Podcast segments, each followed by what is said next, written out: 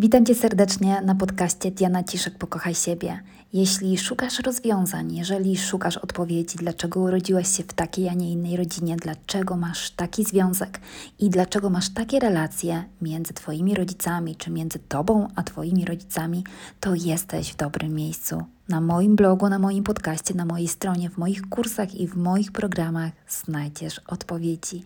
Jesteś bezpieczna, a ja prowadzę Cię przez cały Twój proces transformacji.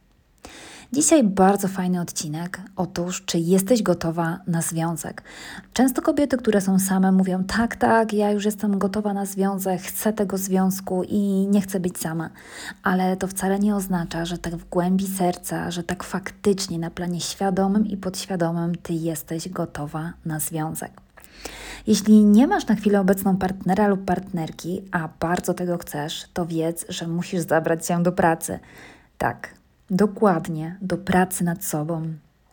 Bo jeśli chcesz mieć partnera, a nie możesz go znaleźć, to oznacza tylko jedno: nie jesteś jeszcze gotowa na związek. Aby stać się w pełni gotową, należy zmieniać siebie w praktyce. Ja miałam taki okres w swoim życiu, że byłam bardzo życzeniowa. Chciałam to, chciałam tamto, na już, na wczoraj, bo jak ja potrzebowałam, to tak chciałam. Pamiętacie te bajki z rozkaproszonymi księżniczkami? To zastanówcie się, czy same takie nie jesteście. By móc otrzymać to, o co się prosi, należy najpierw samej stać się gotową na związek. A co to znaczy? Zastanów się, czy potrafisz zarządzać swoimi emocjami, czy nie krzyczysz na kogoś w zdenerwowaniu, czy nie oczekujesz od partnera, że wszystko ci się należy. Czy potrafisz być miła, czy nawet organizacyjnie jesteś gotowa bo bycie w związku wymaga również czasami poświęcenia. Zrezygnowania z części szafy, na przykład, zrezygnowania z części swojego życia nawet. Nie możesz zjeść ciastko i tak naprawdę mieć ciastko. To tak nie działa. Czy potrafisz zarządzać dobrze sobą w czasie? Czy potrafisz takie prozaiczne rzeczy typu szybkie obmyślenie menu, ogarnięcie domu, szybkie sprzątnięcie bez zdenerwowania? Powiem Ci tak, takie rzeczy naprawdę potrafią człowieka niejednokrotnie znużyć albo przysporzyć wielu frustracji. Następuje wtedy walka w stylu, dlaczego ja mam to robić, dlaczego ty tego nie możesz zrobić. I jako ciekawostkę powiem ci, że wiele par rozpada się właśnie przez takie głupoty.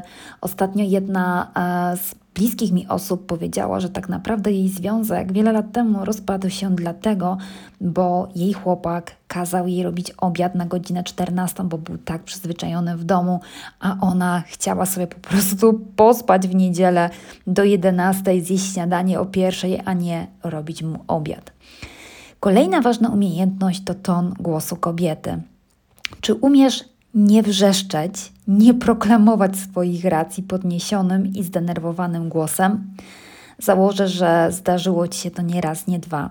To jest bardzo ważne, żeby to kontrolować, ponieważ kobiety, często wpadając w emocje i chcąc szybko i wszystko przekazać, często nie zwracają uwagi na ton swojego głosu i naprawdę ich postulaty, to co mają do powiedzenia, najczęściej jest bardzo wartościowe i bardzo mądre. Ale powiem Ci tak, jeśli jesteś poirytowana i zdenerwowana, to nawet zdanie kocham Cię raczej nie wyjdzie zbyt dobrze i nikt na to by nie zwrócił uwagę i nie wziąłby tego na poważnie.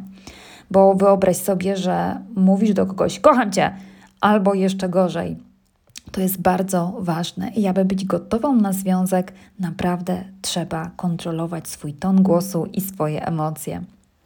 Kolejna bardzo ważna sprawa. Przeanalizuj koniecznie swój ród, zachowania swojej mamy, zachowania swojej babci. Jak one tworzyły swoje związki, jak one reagowały na problemy w związku, jak im się żyło, czy wspierały męża, czy kochały siebie, czy potrafiły zorganizować miłą atmosferę w domu, czy ich mąż chciał do nich wracać po pracy, czy były spokojne, rozumiejące. Opisz najlepiej by było, gdybyś opisała właśnie, jaką relację miała Twoja mama i Twój tata. Nawet warto jest opisać dzień rodziców, co robili, co tworzyli i jak się zachowywali. Zobacz, ile będzie tam odpowiedzi dla Ciebie. Zakreś te rzeczy, jak już to zrobisz, które widzisz u siebie, że powielasz w swoim związku. Czy są to dobre rzeczy? Zastanów się z miłością, co zostawisz, co było fajnego w zachowaniu Twojej mamy, a co zmienisz, co zrobisz inaczej. I najważniejsze, jakie były konsekwencje zachowania Twojej mamy i Twojego taty. Czy ich związek przetrwał, czy były szczęśliwe, jak ich zachowania wpływały na związek, bo być może ty też powielasz jakiś schemat właśnie z relacji, która była pomiędzy twoimi rodzicami i dziwisz się, że nie masz partnera, bo każdy partner, z którym się spotykasz, na przykład jest e, zakrzyczany albo nie okazujesz mu a powiedzmy jakiejś atencji, przychodzisz z pracy, mówisz tylko o swoich problemach, a w zasadzie pomijasz totalnie Twojego partnera. I to nie o to chodzi, że Ty jesteś zła czy nierozumiejąca, tylko to chodzi o to, że być może widziałaś taki system zachowania u swoich rodziców.